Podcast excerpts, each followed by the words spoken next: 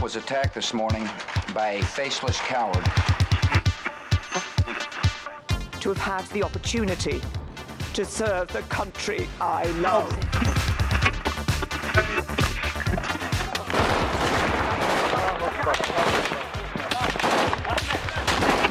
Den Einsatz für Frieden und Freiheit in Deutschland, in Europa und in der Welt.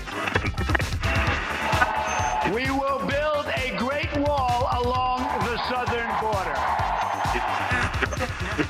beg you, please do not fail on this.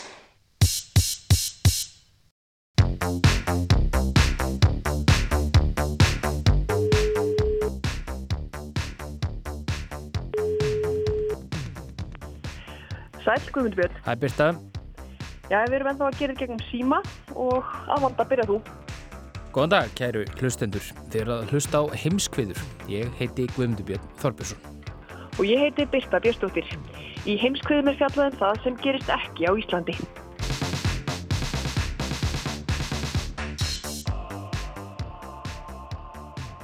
Nýr þáttur, nýjar frettir af koronaviru faraldrinum. Já, það verður ekki hjá því komist. Og kannski engin ástæða til þess. Þetta er náttúrulega rísastótt fjettamál sem hefur ótal áhugaveða hliðar og mikil áhrif. Emitt, til að mynda á matvæla framleiðslu í heiminum. 135 miljónum manna þjást af hungri í heiminum í dag og þeim sem svelta á eftir að fjölga hratt á næstu missurum vegna COVID-19. Berglótu Baldurstóttir ætlar að segja okkur nánar frá því hér á eftir. Og svo ætlum við að heyra nánar af áhuga bandarækjamanna á Grænlandi. Fyrir viku var tilkynntum næstum 2 miljardar krónar styrk bandarækjastjórna til Grænlands. Bói Ágússon ætlar að segja ykkur nánar frá þessu eftir, en núna þegar enginn má ferðast neitt, er allir gaman að geta byrjað þennan þátt í útlættum.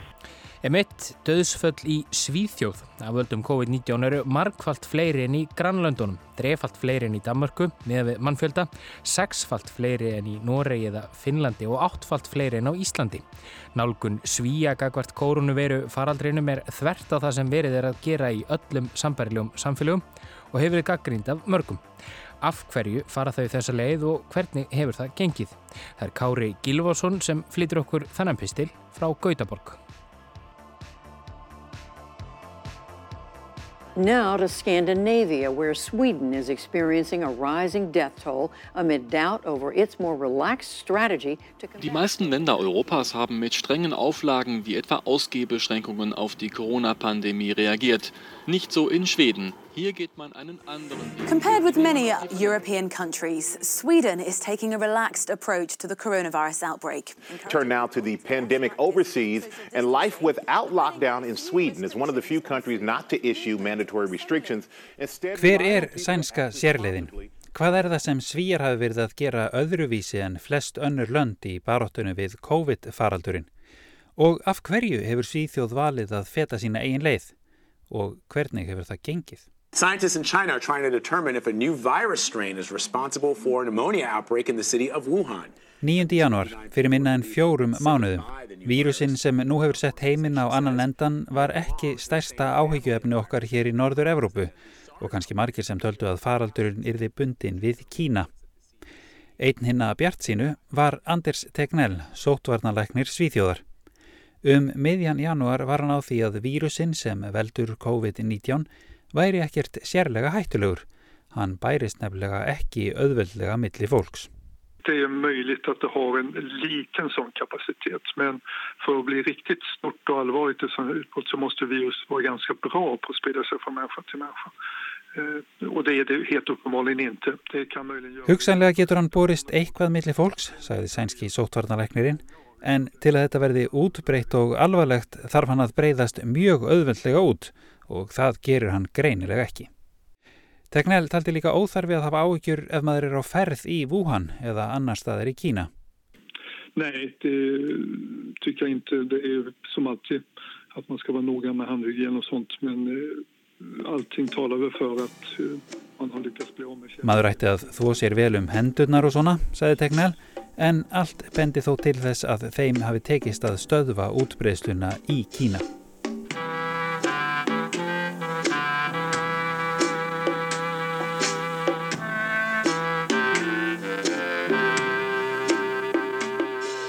Þarna í janúarlokk mæltust sænsk heilbriðsifurvöld heldur ekki til þess að fólk sem hefði verið á hættusvæðum, til dæmis í Wuhan, færi í sótkví. En það væri gott ef fólk hefði samband við heilsugæsluna ef það fengi enginni á borð við hósta og hita.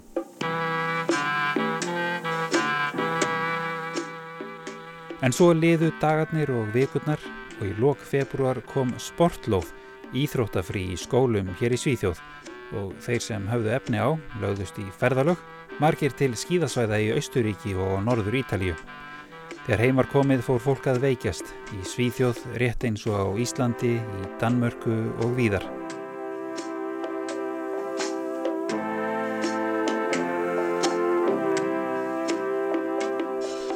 Danir bröðust hart við. Þeir lokuðu skólum, bókasöfnum og tónstundamæðstöðum og skipuðu fólki að vinna heiman frá sér, væri það mögulegt. Landamærum Danmörkur var lokað 14. mars en hinum einn Eirasundsins í Svíþjóð voru menn öllu róleri. Sænskir menta og háskólanemar hafi jú þurft að venja sig við fjarkenslu, samkomur fleiri en 500 voru fljótlega bannaðar og fólk kvart til að fara varlega. En almennt hefur lífið gengið sinn vana gang. Það er ekki þannig að ekkert hafi verið gert hér í Svíþjóð. Veitingastæðir og kaffihús eru opinn en það þurfa að vera tveir metrar á milli borða og það er þjóna til borðs bannað að standa í þögu við barinn. Og í lok mars var hert á samgómubanninu. Sá sem fylgist með fréttum frá Íslandi er þó hissa til dæmis á því að ekkert handspritt sé við kassan í verslunum og bara almennt á því hvað það eru margir á ferli allstaðar.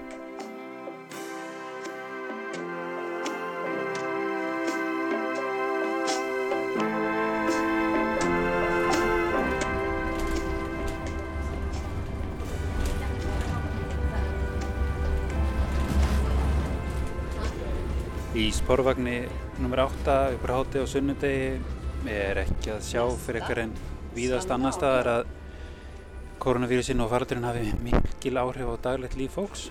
Hér situr fólk bara eins og venjulega og enginn tveggja metra regla hefði í hávegum og það sé reyndar einn maður með uh,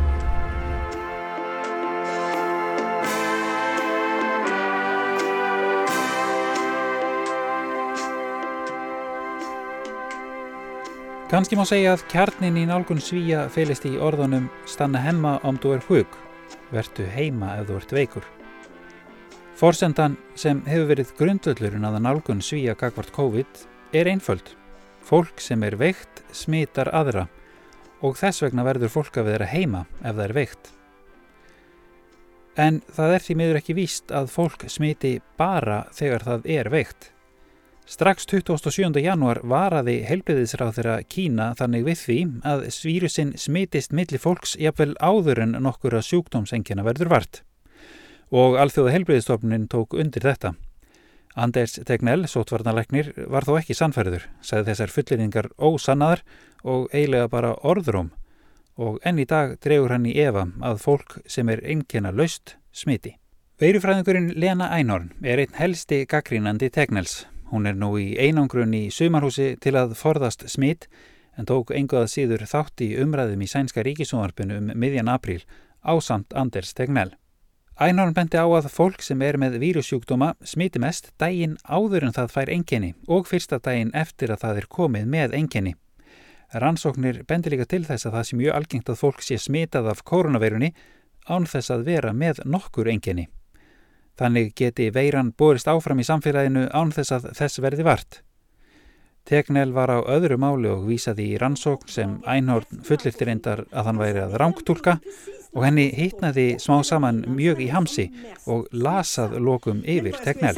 I och med att hela strategin från den svenska folkhälsomyndigheten bygger på ett livsfarligt koncept, stanna hemma om du känner dig sjuk, så missar man ja, vi vet inte exakt hur, men en mycket stor andel av de som smittar. Och det är, det är, ju, alltså det, det är ju livsfarligt inte minst för alla gamla. Eh, hemtjänsten som besöks... Öll nálgun helbriðsifurvalda þessum faraldri byggir á grundvallar hugmynd sem er lífshættuleg, sagði Lena Einhorn.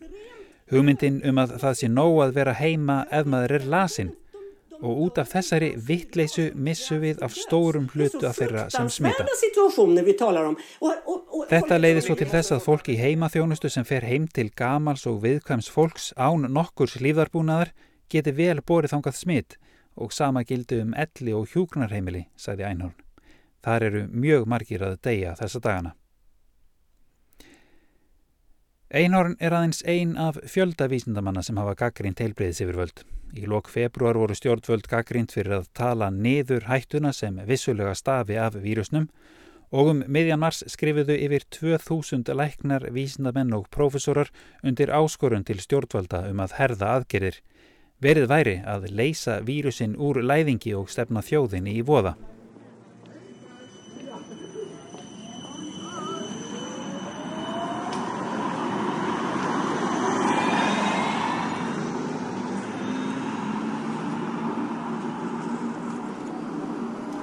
Spóruvagnin óg áfram fram hjá Líseberg, stærsta tífóli í Norðurlandara sem er lokað núna og búið að aflýsa öllum viðbyrðum þar fram á sumar og svo er reyndar búið að aflýsa mörgu öðru eins og halvmarathóninu sem átt að vera í Gautaborg eh, eftir mánuð og er stærsta halvmarathón í heimi að ég held. Uh, en það eru aðri staðir til þess að sapna saman á og, og margt annað að gera. Nú eru við komin í Grasagarðin í Gautaborg, það er bleið 200 hektara svæði og hér er sólblíð á mikið fjölmenni og hér á úti kaffehúsi sem ég stend núna við er, já, ábyggilega svona hundra mann sem að sitja úti uh, og enginn sem að verðist neitt sérstaklega stressaður.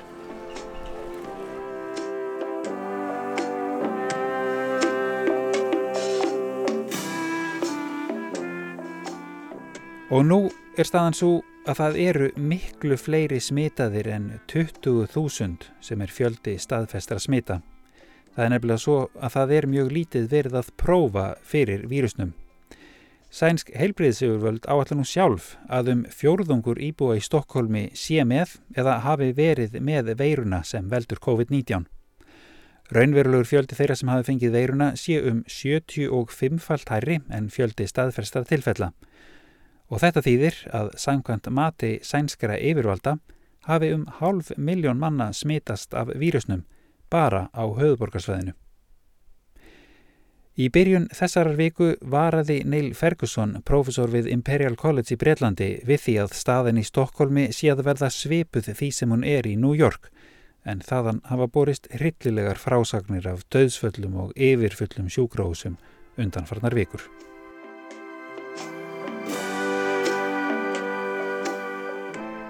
En hvað á þetta að þýða? Af hverju hefur veiran fengið að breyðast svo nót?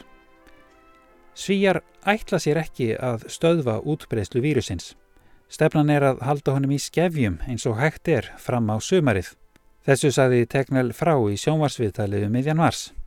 Hann gerir áðfyrir að útbreyðslan mingi yfir sumarið en aukist svo aftur með haustinu og þess vegna sé nöðsilegt að byggja upp einhvers konar hjarðónæmi. Stór hluti fólks þurfi að fá einhvers konar ónæmi.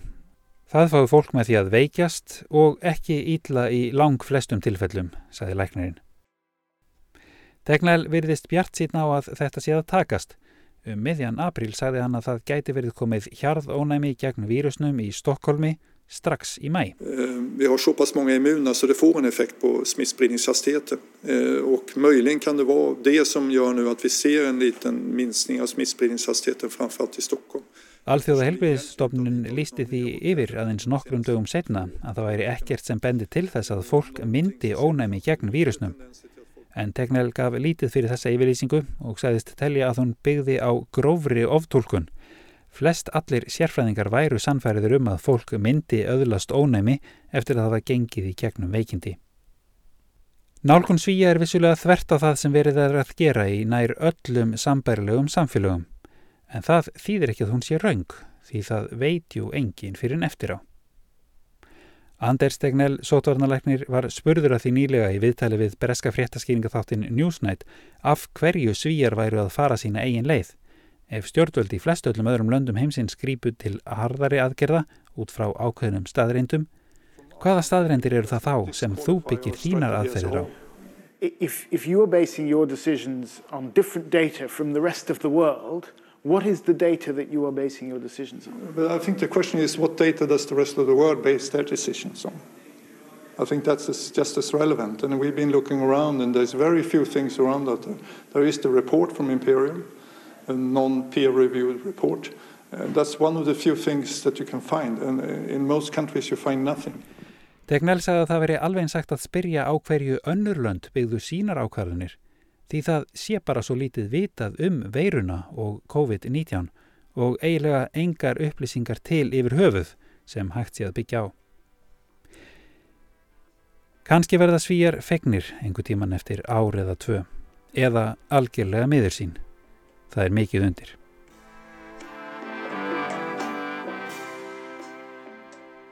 Döðsföll í Svíþjóð af völdum COVID-19 eru nú markfalt fleiri enn í grannlöndunum. Þrefalt fleiri enn í Danmörku, miða við mannfjölda, sexfalt fleiri enn í Noregi eða Finnlandi og áttfalt fleiri enn á Íslandi. Staðan hér er þó talsvert skári en víða, til dæmis í Breitlandi, Hollandi, á Ítalíu eða í Fraklandi. Þeir sem á látist í Svíþjóð eru flestir við slæma heilsu og nokkuð við aldur. Helmingurinn var meira en 85 ára gammal og nýju af hverjum tíu voru komin yfir sjötugt. 80% látina voru með ofháan blóðþristing. Heilbriðis yfirvöld segja að há dánartíðinni skýrist ekki endilega því að lítið það verið gert til að hemja útbreyslu vírusins og benda í staðin á að veiran hafi komist inn á elli og hjógrunarheimili og herjað þar og það skýri dánartíðinina að miklu leiti. Á meðan á öllu þessu gengur á er Anders Tegnell mjög vinsæl í Svíþjóð að minnstakosti meðal sumra svíja. Svo vinsæl raunar að náungi að nafni Gustaf Akerblad ákvað að láta húðflúra andlit Tegnells á hægri upphandlegin sin. Så det var ju en kul grej för jag såg att min eh, vän och tatuerare Sashai la upp den här gnuggisen på hans Instagram. Och eh, jag kände väl då att vad fan den där vill jag göra på riktigt liksom. Uh, för jag är lite sådär wild and crazy när det kommer till tattoos. Ég er svolítið viltur og crazy þegar kemur á tattúum, segir Gustaf og bætir við að það stafi frá Tegnell ákveðinni ró og hlýju. Och eh, som jag sagt så många gånger förr så har han stått, som jag ser på det, rakryggad genom hela krisen. Stjórnaranstaðan á sænska þinginu hefur líka haldið sig til hljés og forðast að gaggrina viðbröð stjórnvalda við faraldrinum nema kannski hvað snertir efnagsaðgerðir stjórnvalda. Og í fórustugreinum er stjórnvöldum og Tegnell rósað.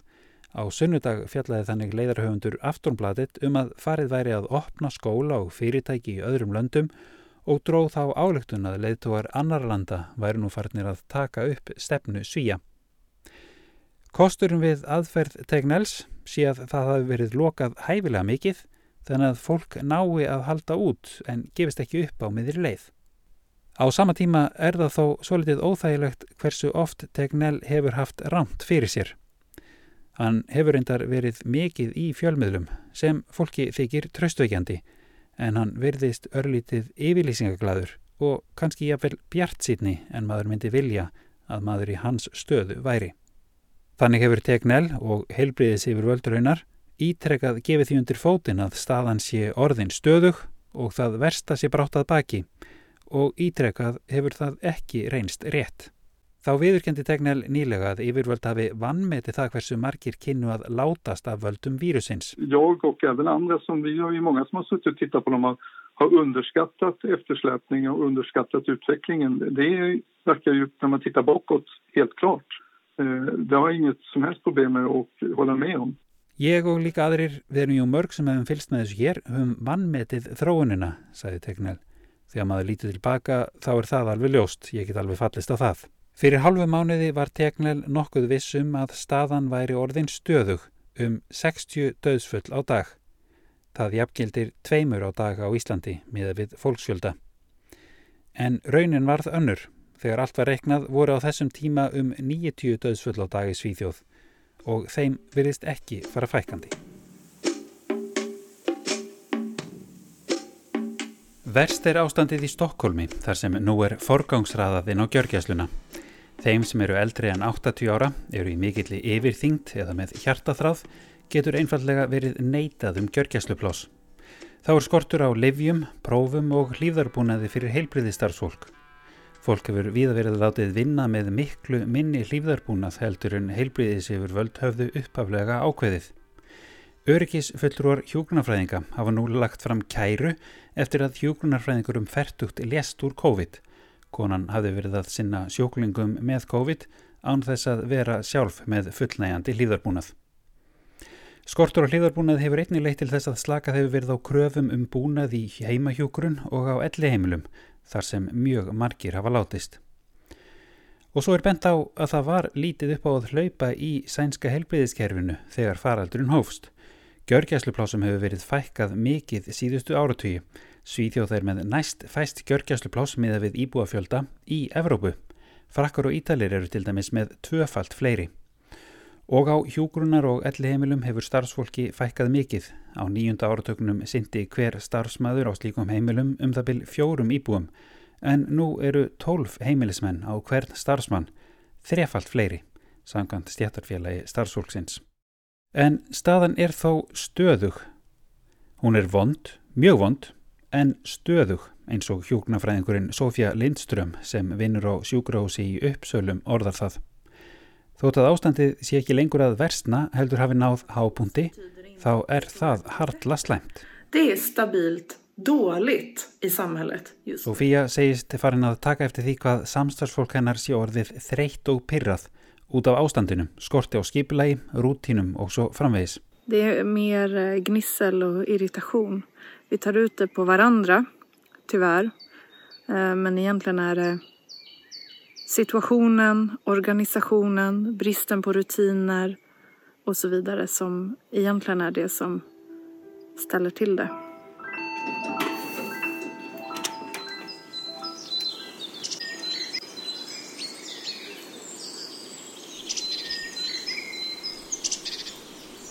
En það er líka vor í Svíþjóð og fólk fyrir út í garda eða jafnvel á veitingastadi, krár og skemmtistadi. Það er enda opið. Helbriðisu völd hafa reynd að fylgjast með því að reglum sé fyllt, bæði tvekkjametrarreglunni og þeirri um að það eigi að þjóna til borðs en ekki standa í þögu við barinn. Og á mánudag tóku helbriðisu völd ákvöðurinn um að láta loka fimm krám í Stokkólmi. Hér í hverfinu mín í Gautaborg er torg með fisksala, slátrara og græmitisala og fyrir þremur vikum var hér fjöldi eftirlauna þegar að kaupa í soðið í hátteginu. Og þannig er það líka í dag. Ég sé hérna um 20 manns, mest allt fólk kannski um 70 eða áttrætt. Lífi gengur sem sagt sinn vana gang svona mestu leiti, allavega á þeim sem að ekki veikjast illa. Svo maður verður bara að vona það besta.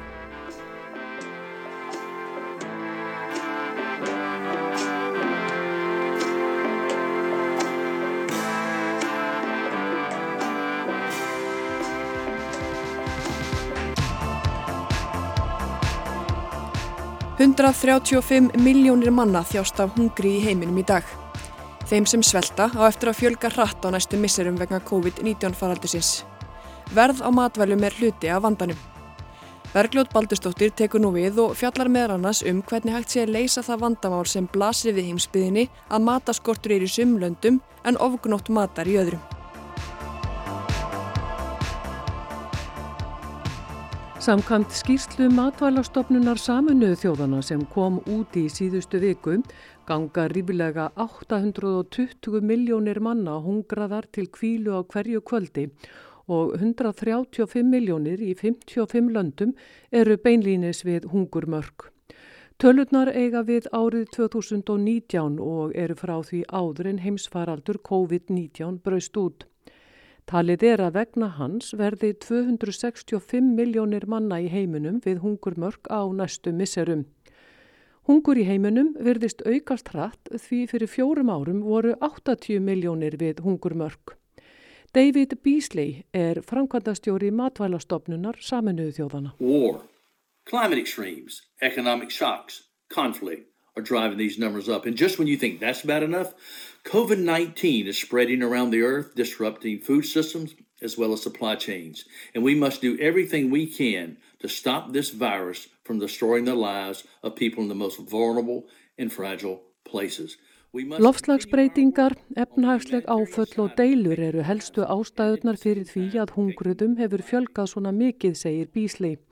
Manni finnst ástandið nógu slæmt en þá brýst COVID-19 faraldurinn út og gerir ílt verra. Hann hefur stöðvað nánast alla matvæla framleiðslu og komið í veg fyrir fluttninga matvæla. Gera verði allt sem hægt er til að verja þá sem minnst mega sín og koma í veg fyrir að faraldurinn eigðilegi líffólks í löndum þar sem ástandið er viðkvæmt, segir hann. Flestir sem svelta eru í Afríku, næst flestir í mið-Östurlöndum og Asju, þá Suður Ameriku og löndum við Karabjahaf og Evrópa kemst líka á blað. Þau tíu lönd þar sem ástandið er verst eru Jemen, Kongo, Afganistan, Venezuela, Eþjópia, Suður Sútan, Sýrland, Sútan, Norður Nígeria og Haiti.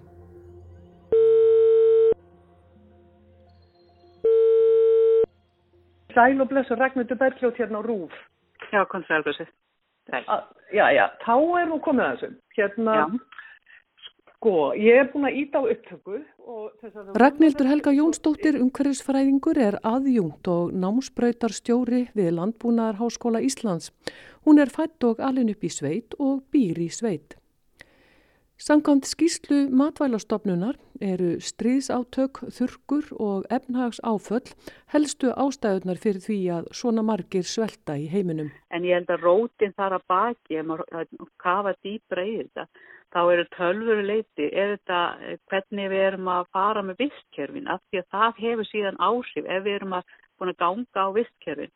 Þá erum er við að hafa áhrif á framfærslu möguleika og þegar er, er, fólk er komið á, á barm þess að geta ekki uppfyllt grunnþarfir, mat og, og klæði, þess að þetta er sérstaklega matin, að þá hérna, menn, verða menn, grípa menn til dramatískra uh, áhrif að grípa til stríðstóla. Og þetta bara spila þá saman og því það náttúrulega ef uh, visskjafin eru að ganga til þurðar, eða við erum að ganga til þurðar á þeim að þá leiði það til efnaðast áfalla líka. En er þá svo komið að það hefur verið gengið svo á vistkerfin að jörðin ber ekki lengur mannkinnið, að ekki sé lengur hægt að fæða alla jörðarbúa? Við getum alveg fætt þennan fjölda sem er hérna jörðin núna og jafnvel meira ef að við nýtum allan þennan mat sem við framleiðum. Það er 30% af, af mat sem við framleiðt í dag, hún er með henn og hins vegar þá er náttúrulega spurning hvers konar, hvers konar neyslu við erum að standa undir. Ef við ætlum að vera með þess að ofgnótt neyslu sem að vesturlandabúar uh, eru með að þá, nei, þá getum við ekki framleitt öllum á þeim uh, skala en uh, annars ef við höfum einhver meðal hó í því og nýtum það sem við framleitum þá getum við hægilega framleitt nóg fyrir, fyrir jarðabúa en við þurfum að beita skinnsemi og við þurfum að beita að breyta því kerfi sem við erum með í dag. Þetta hljómar eins og alþjóða væðingin og frjálst flæða á vörm og þjónustu eigi söka á ástandinu eins og það er nú. Já, auðvitað áhugum hluta af sökinni og alþjóða væðingin, en það er margt gott við hana, þannig ég bara tek það strax fram, en það er líka gallin við þetta að við höfum þessi rísa alþjóðlu fyrirtæki sem bara, hérna, já, ganga þetta út á þess að massa framleiðslu og algjörlega uh, úr tengslum við uh, neytendurnar á, á staðnum og við erum búin að rúfa þessi tengst og hvað matverðan er framleitt og hvað hennar er neitt. Það er matverðan hjá mjög mörgum að þessu, það á alltaf að vera ódýst. En, jú, það er, hérna, það er gott að flesta. Ef að í verðinu er allt, allur kostnæðurinn sem líst af þessu. Ef við erum ekki með allan kostnæðin inn í vöruverðinu, þá eru við ekki að keppa á samkynningsgrunni og það er einhver annar, einhver staðar annar staðar sem borgar fyrir lága vöruverði sem við borgum hérna þegar við förum út í búð á Íslandi.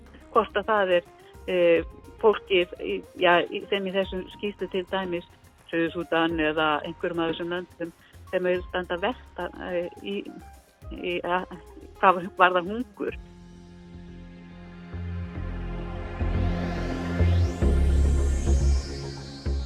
núverandi matvælaverð endur speiklar ekki allan framleiðslu kostnað matvæla. Það, það, það vantar inn í e, neikvæði ytri áhrifin. Þetta er Daði Már Kristófersson, professor. Hann er umhverfis og auðlinda hagfræðingur og forseti félagsvísindasviðs Háskóla Íslands. Og það er náttúrulega alveg ljóst að flutningum fylgir tölvöð neikvæði ytri áhrifin. Það, það meina ég frá mengun af þetta matvælakerfi sem við erum með skilur eftir því gríðalega stórt virtspor og verðið sem greiður út í búið er umverulega bara framlýslu kostnæðurinn á vörunni, ekki þessi, þessi virtspors áhrif. Til dæmis kólefnislósunin að hún er bara óverulegu leiti inn í verðinu. Þannig að við getum sagt að, að það sé svona ákveðin gafli á þessu terfi. Hann segir að hugmyndinum alþjóða viðskipti með matvæli sé ekki vond. Á tilludögum sé talað um fæðu öryggislutverk íslensks landbúnaðar. Vandamálið sé að ef íslenskur landbúnaður hefur ekki aðgangað alþjóðlegum aðföngum eins og tilbúnum áburði, olju og ymsu öðru, þá getur hann ekki haldið upp í framleiðslu. Opin hagkerfi með einhæfa atvinnustarfsemi séu háð viðskiptum. Við erum auðvitað alveg gríðarlega háð viðskiptum. Það, það er ekkit rosalega margt sem, að, sem er framlega á Íslandi sem mjög langar til þess að eina mínum penningum í sko. Þannig að, að, að þú veist við erum háð innflutningi um því sem næst alla framleyslu. En þú veist Ísland er fyrst og fremst útflytjandi á matvælum þannig að við erum í á marga nátt þeirri eftir svona verður stöðu að við framleiðum miklu meiri matvælum við þurfum. Það er þetta sjáarfang. Miljón tonn, við erum 300.000 það bara blasir við að, að, að það verður ekki vandamál. Um, ef eins og við höfum ekki aðgang á olju, já, þá er það nú verður að sætja þessi miljón tonn sko.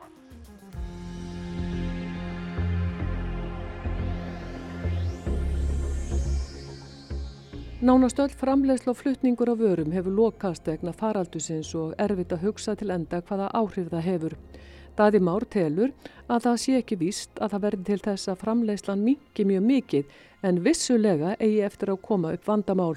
Framleiðslu ferlar í landbúnaði séu frekar langir og það takir langan tíma fyrir kerfið að hæja á sér. Margir af þeim sem að uh, vest búa í heiminum munu koma illa út efnahagslega á tísunni og geta þeirra til þess að kaupa matvæli hún mun versna og, og það mun valda vandamálum og hungri.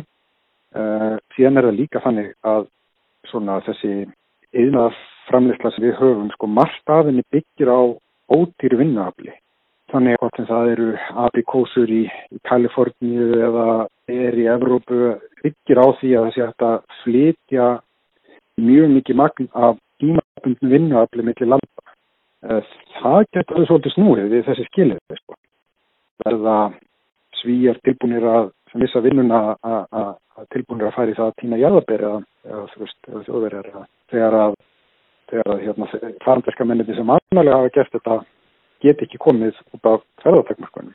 We must continue our work on the humanitarian side of protecting lives and at the same time protecting livelihoods. We also have to make sure that we have effective monitoring systems, better data collection, so that we can make the right decisions in the most difficult places on earth. Við verðum að halda áfram vinnu okkar við að vernda líf fólks og á sama tíma vernda lífsviðuværi þess, segir David Beasley, framkvæmdustjóri matvælastofnunar saminuð þjóðana. Við þurfum að koma upp kerfi til að fylgjast með ástandinu og sapna upplýsingum svo við getum tekið réttara ákvarðanir um þá staði sem er í erfiðustu stöðunni. Ég trúi því að vegna sérþekkingar okkar getum við komið saman og sett upp nöysenlegar leiðir til að tryggja að COVID-19 faraldurinn verði ekki til þess að leiða hörmungar yfir mannkinnið og möguleika þess til að abla fæðu, segir hann. Mín von er að þegar aðeins líður frá og við förum að geta horta á þetta aðeins með ró en samt drýðir lærdom af þessu, þá förum við að sjá hversu mikilvægt það er að hafa matvælaframleysluna sem næst neyslinni. Að hvert landum sig sé sem næsti að vera sjálfum sér næst í framleyslu.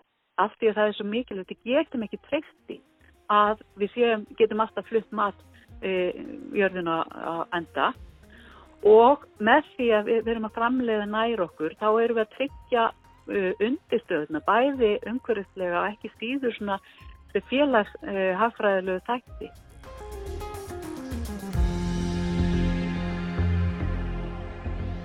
ég, er svona alltaf haft pínu evasendur um þetta fyrir bæði fæðið er ekki. Ég skil vel að það séu viðbröði en á endanum að þá uh, er alveg ástæði fyrir því að þróunin var í hinn áttina. Þar að segja að alþjóðavæðingin hefur umverulega lift fólki upp úr fátak ekki múrað einni enni vegna þess að það hefur veitt fólki fleiri tækifæri en, en annars voru í bóði og ég held að, að sko það að einhvern veginn slá hringutanum matvælaframlislu og segja hérna hún á að vera heima sko en allt hitt má vera háð viðskiptum já þá, þá verður þetta bara gerfi uh, fæður ekki vegna þess að já, hvað gerist ef það kemur upp einhver krísa og viðskiptum stoppar eða hættir að fá ólíu eða hættir að fá tilbúin ábyrðu hættir að fá traktor eða mjöldavélar eða geðingarefni eða hvað sem er og þú ert kortið í vondum álum sko Hvað á að gera við því að hluti mannkynsins sveltur? Er hægt að sætta sig við það? Það getur við alls ekki sætt okkur við, það er bara blasi við, það getur ekki verið lausning. Nei, þetta er alveg híkalega erfiða spurningar, sko. Um, það er einhvern veginn að þetta halvvegis frelsi sem við búum við eru þetta vandamál út af fyrir sig, sko. Uh, því að við, við höfum svona nokkur með frjálst flæði á, á vörum en, en alls ekki frjálst flæði á fólki um, og það náttúrulega lokar við eitthvað fólkin í aðstæðum sem eru mjög erfiðar. Vandamálum, félagslegu vandamálum sem fylgja því að fjarlæga þær hindra en ég hafa sínt því að vera töluverð, þannig að praktist séð er ekki raunast að fjarlæga það allt í einu en, en, en ég hef svona freka vilja svo heiminn þróast í þá áttina til, til frjálsara flæðis fólks á móti hinn í einu flæðinu heldur en, heldur en aflókunar. Margir af landbúnaða sérfræðingum heimsins hafa bent á að ákveðið andvaralesi sé gagvart í hvernig við umgöngumst matvæla öryggi á heimsvísu, segir Daði Már og spyr hvort heimurinn ætti kannski að taka Eþjópíu sér til fyrirmyndar. Be a part of the most important rock event ever staged, Live Aid. Mannst eftir hungarsniðið í Eþjópíu eftir að Live Aid tónleikarnir voru haldnir og, og því öllu sko og ég held að svarið er nú eiginlega bara nei. Uh, en Eþjópia er samt mjög erfið stöðu vegna þess að það er bara seasonal regning uh, stundu kemur bara engin regning og, og þetta gerir svolítið bara stöðu jáfnveg orðið höfð uh, þannig að það var alveg krísuðar en við hefum bara ekki fréttað en vegna þess að viðbröðin hjá þeim voru að byggja sér upp raunverulega tryggingu fyrir matalauðriki sem voru sérst miðlægir matarbankar við einhvern veginn erum svo mikið svona í skamtíma hugsunin alltaf og, og, og kannski er það það þarf að breytast og ég er unar er alveg samfórum að það þarf að breytast bæðið hvað var það umhverfismálin og líka matvæðanverkið en, en þetta er ekki lausni svo getur list fyrir einstök ríki er, ég held að það að fara að holfa heimin upp er ekki lausni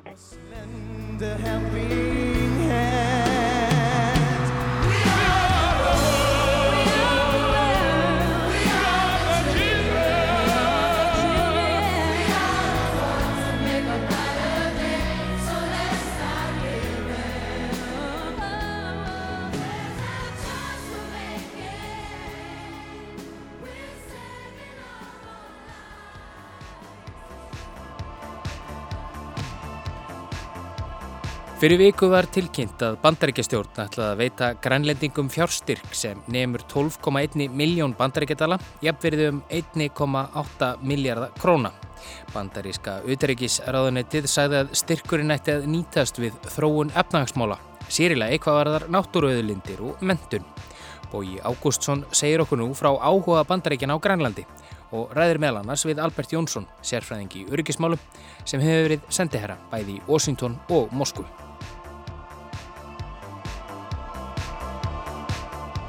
Vaksandi áhugi stjórnvalda í Washington var öllum ljósir. Bandaríska stórblæði Wall Street Journal sagði frá því síðla sumas í fyrra að Donald Trump fósetti hefði áhuga á að kaupa Grænland. Sumir heldu að hér hefði eitthvað miskillist en Trump staðfesti sjálfur að hann vildi gerðan kaupa landið þegar fréttamenn spurðu hann. Hann sagðist ekki vita af hverju þetta hefði frest, þetta hefði bórist í tal. Danir ættu landið, þeir væri mjög góður bandamenn. Bandaríkin önnuðust varnir Dana eins og stórsluta heimsins. Hugmyndin hefði komið upp og hann hefði sagt jújú, jú, hernaðalega hefði Grænland mikla þýðingu og hann hefði áhuga. Well, Greenland, I don't know, it got released somehow. It's just something we talked about. Denmark essentially owns it. We're very good allies with Denmark. We protect Denmark like we protect large portions of the world. So the concept came up, and I said certainly I'd be strategically it's interesting. And we'd be interested. Bandaríkjafósiti bætti svo við að þetta væri stór fastegnadýll, margt væri hægt að gera, Danir töpuðu stórfi á Grænlandi og herfræðilega yrði þetta fínt fyrir Bandaríkin. Essentially it's a large real estate deal. A lot of things could be done. It's uh, hurting Denmark very badly because they're losing almost $700 million a year carrying it. So they carry it at a great loss. And strategically for the United States it would be nice. Hlustendur muna Eva lítið eftir framhaldinu. Bæði Danir og grænlendingar höfnuðu hugmyndinu umsvifa lust og Mette Fredriksen, fórsættis á þeirra Dana, sagði hana fáránlega, absúrt. Trump rittist þessum ummælum. All they had to do is say, no, we'd rather not do that or we'd rather not talk about it. Don't say what an absurd idea that is. You don't talk to the United States that way. Svona tala maður ekki við bandaríkinn, sagði Trump og hætti við fyrirhugaða heimsók til Danmerkur. En áhugi í bandaríkjana á Grænlandi er ekki nýr af nálinni. Bandaríkjaman hafa alltaf litið svo á að Grænland sé á sínu áhrifasvæði enda er landið hluti af Norður Ameríku. Bandarískur herabli kom fyrst til Grænlands í síðari heimstyrjöldinni. Að stríðinu loknu komu þeir upp herstöð í Túli á norður Grænlandi sem er enni í rekstri. Á tímum kaldastriðsins og hættunar á átökum við Sovjetríkin hafði norður Allandshafið mikið hernaðalegt vægi. Að kaldastriðinu loknu minkaði mikilvægið, lokun herstöðvarinnar í Keflavík og brott hvar varnaliðsins bera því vitni. Áhugin Vestanhafs kviknaða nýju vegna vaksandi samkeppni við Kína og það gerðist fyrir tíma Donalds Trumps, segir Albert Jónsson, sendiherra og sérfræðingur í öryggismálum. Þessi þáttur í stefni bandaríkjani gerðna tengdu við ræðu sem Obama fórseti flutti í Ástralju heims og þar 2012. Our new focus on this region reflects a fundamental truth. The United States has been and always will be a Pacific nation. Og þar sem hann talaði um það að áherslur bandaríkjana myndu óhjákamilega beinast í síauknumæli til Asíu Kirrahafssvæðisins vegna þess að Kína er þið rísandi stórveldi í heiminu. The Asia Pacific is critical to achieving my highest priority and that's creating jobs and opportunity for the American people. Hann talaði ekki um það með sama hætti og Trump hefur gert og það náttúrulega varð ekki, Obama beitt sér ekki fyrir við með sama hætt og Trump. Þannig að það var, það var haldið á þessu en það breytir ekki því að, að, að, að það er hægt að rekja þessa stefnu til Obama stjórnum og til tilteknu ræðu. As President, I have therefore made a deliberate and strategic decision. As a Pacific nation, the United States will play a larger and long-term role in shaping this region and its future og síðan það gerðist hefur bandaríkja her til dæmis mjög fært áherslu sínar inn á Kirrahafs Asíusvæði bæði í herrgagna kaupum og hvað þeir koma liðinu fyrir og, og svo framvegis. Og, og þetta er bara augljóslega í hag bandaríkjana að bregðast við hinnu rýsandi stofveldi sem að Kína er á efnahagslega en þá aðalega en einni teknilega og, og í auknum mæli hernaðalega sem, sem Kína er stórveldi sem bandaríkinn hljóta að bregðast við. Sambúð bandaríkjana og Danmerkur sem snögg kólnaði síðla sumas í fyrra var ekki lengi við frostmarkið og fljóðlega komst hún í svo gott sem samt lag. Svo bar það til tíðinda fyrir í aprilmánuði að Karla Sands sendi herra bandaríkjana í Danmörku skrifaði grein í veftímaritið altingið.dk um stefnu bandaríkjastjórnar í málefnum Norðurslóða og þar viðraði hún hugmyndin um styrk til Grænlands. Í greininni fór Sands hörðum orðum um bæði Rúsland og Kína. Vestrið verður að vakna og koma í veg fyrir árásagjarna hegðun rúsa og ágýrni kynverja á norður heimskautsvæðinu. Sands skrifaði að rússar hefði eld herstyrksinn mjög á svæðinu. Árið 2018 tóku rússar í nótkun flugvöld við Nagurskógi og þar rægt af að springju flugvilar og þær geta flógið að túleherstöðinni með skömmum eða engum fyrirvara. Þar að auki eru rússar að lengja flugbröðunar úr 2500 metrum í 3500 metra sem er meira en varnar orustu flugvilar þurfa. Sands let kynveri einni heyra það í grein sinni í altingið.dk. Alþýðliðveldi Kína kalla sér Norðurskautsríki þó það séu næstum 1500 kílómetrar frá heimskautinu til Kína. Alþýðlýðveldið reynir að þrengja sér inn á svæðið því ráðamenn þar líta á norður heimskutið sem enn einn staðin til að styðja við arðaránshagstefnu sína og einræðiskildi. Karla Sands hefur verið talsveit áberandi frá því að Donald Trump skipaði hana í embætti sendiherra í Danmörku 2017. Hún er áhugaverð persóna, ekki atvinnudiplomat frekar en margir aðrir bandaríski sendiherrar því þar týðkast að forsetarskipi í sendiherrastöður vildarvinni og trúnaðarfólk eða þá sem hafa verið gjafmildir á styrki í kostningabaróttu. Sands heyri til síðast nefnda floknum. Donald Trump var síður en svo fyrsti fórsetin til að skipa sendiherra sem hefðu ynga reynslu af utanrikkismálum. Karla Sands er kýropraktorament, var leikona um hríð og leik meðal annars í sábuóperinu The Bold and the Beautiful.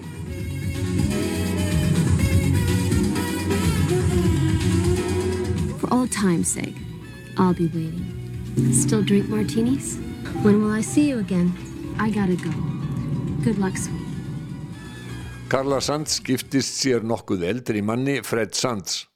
Hann auðgaðist á fastegna viðskiptum. Fred Sands lést fyrir fimm árum. Ekkan, Karla Sands, hefur gert sig gildandi í stjórnmálum og er í hópi helstu stuðningsmanna Donalds Trumps og gaf mikið fjegi kostningasjóði hans. Það hefur á nefa verið ástæða þess að hún var skipu sendiherra í Danmörku. Víkur nú sögunni til Íslands. Albert Jónsson segir að Kína hafi verið megin efni funda tveggja af hæst settu ráðamönnum í bandaríkjónum í heimsóknum til Íslands á síðasta ári.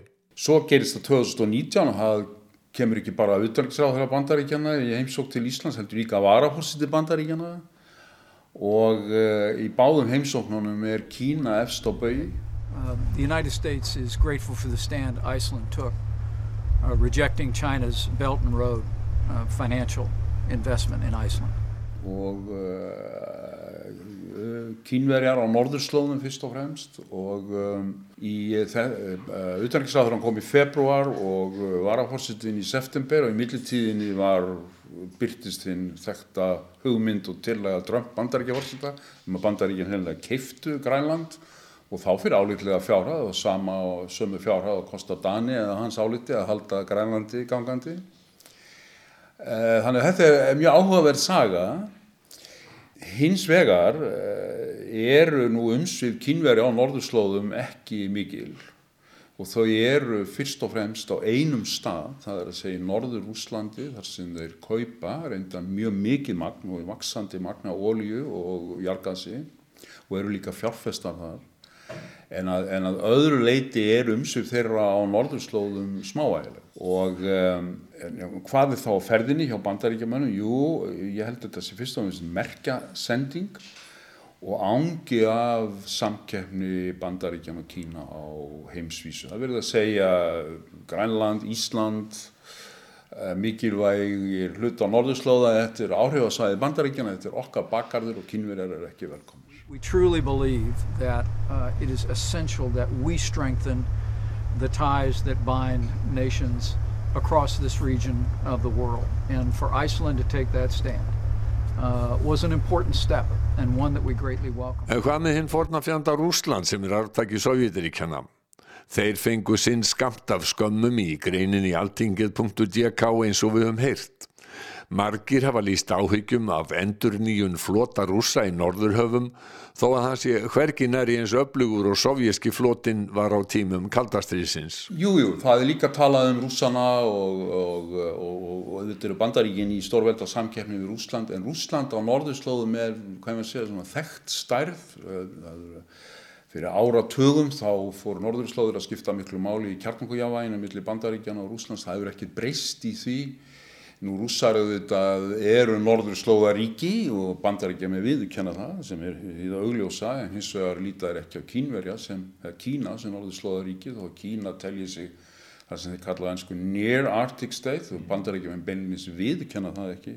En þannig að Rúsland er norðurslóðaríki Rúsland var náttúrulega gífurlega mikið landflæmi á norðurslóðum. Og bandaríkja með viðkenna það allt saman og síðan eru hernaður um sig rúsa en eins og ég segi, þetta er svona, svona þekktar stærðir. En Kína er uh, nýr aðri á norðurslóðum þó í litlu mæli sé en þá en Kína er rýsandi stórveldi á, í heiminum og samskipti í Kína og Bandaríkjana taka miða því og það er mjög hardnandi samkeppni millega, það múr ekki hann alveg aftur til Obama-stjórnarinnar og þessi samkeppni verður að óbreyttu ráðandi þáttur í alþjóðamálum á 2001. ald. Tilbóð bandaríkjanum fjárstyrk vakti mismikla hrifningu innan danska ríkissambandsins ríksfæleðskapið. Ímsir töldu þetta óviðigandi afskipti bandaríkjana af dönskum og grænlenskum innaríkismálum. Aja Kemnitz Larsen er annar tveggja þingmanna grænlendinga á danska þjóðþinginu Folketingu. Hún var kjörin á þing fyrir vinstirflokkin Inuit Atakatikit EA sem nú er í stjórnar anstöðu. Hún segir að fjárstyrkur í dag geti verið orðin að skulda á morgun og það er kjarnin í gaggrínu okkar í EA, segir hún. Altså det, det handler jo om, at øh, de penge, man siger ja til i dag, kan jo betyde en gæld i morgen. Øh, og, og det er sådan set øh, essensen af, af den kritik, vi er kommet med fra IA. Fordi øh, man kan sige, at amerikanerne er som udgangspunkt velkomne i Grønland, men, men jeg synes, det er en passiv øh, strategi eller taktik, man har valgt fra Æja Kemnitz Larsen sagði bandarækjumenn velkomna til Grænlands en gaggrindi landstjórn Grænlands fyrir að ganga aðtúa semta löst að skilirðum sem fylgdu styrk bandaríkjana. Kim Kilsen, formaðu grænlensku landstjórnarinnar, kannast ekki við að bandaríkjumenn fá ykkurt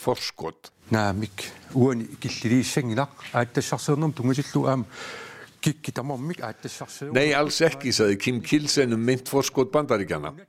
Hér á Grænlandi hafa allir jafna möguleika í vinslu, ráefna og námurekstri ef þeir fylgja lögum landsins. Allir eru velkomnir, hvort sem þeir eru frá bandaríkjónum, Asíu, Danmörku eða Evrópu, þeir þurfa bara að fylgja reglum okkar.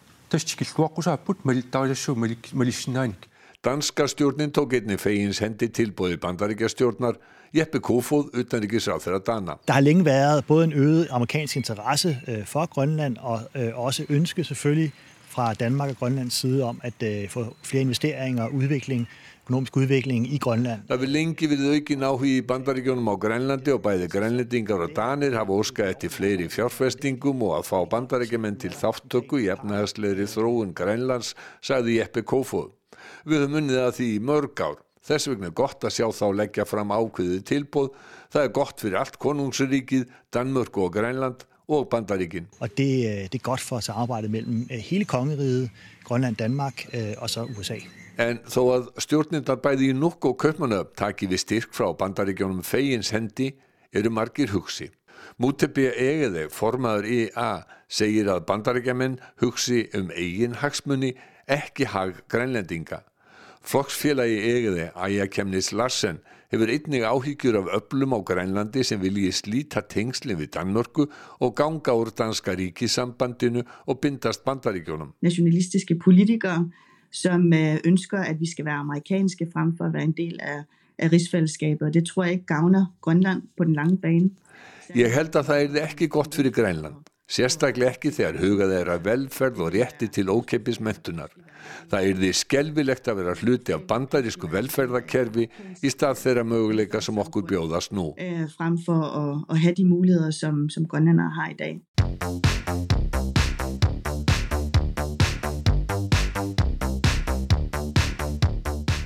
Þetta verða loka orðin í heimskviðum að þessu sinni. Þættina má sem fyrr hlýða á í öllum helstu hlaðvarpsveitum sem og í spilaranum á RÚF. Og hver veit nefn að við getum haft annan háttin á í framleyslu þáttarins í næstu viku? Já, það búið vera að stíga eitt skref í afleitingu samkomubans. Já, við sjáum til með það, en fanga til þökkum við þeim sem hlýtu. Og heyrumst aftur í næstu viku.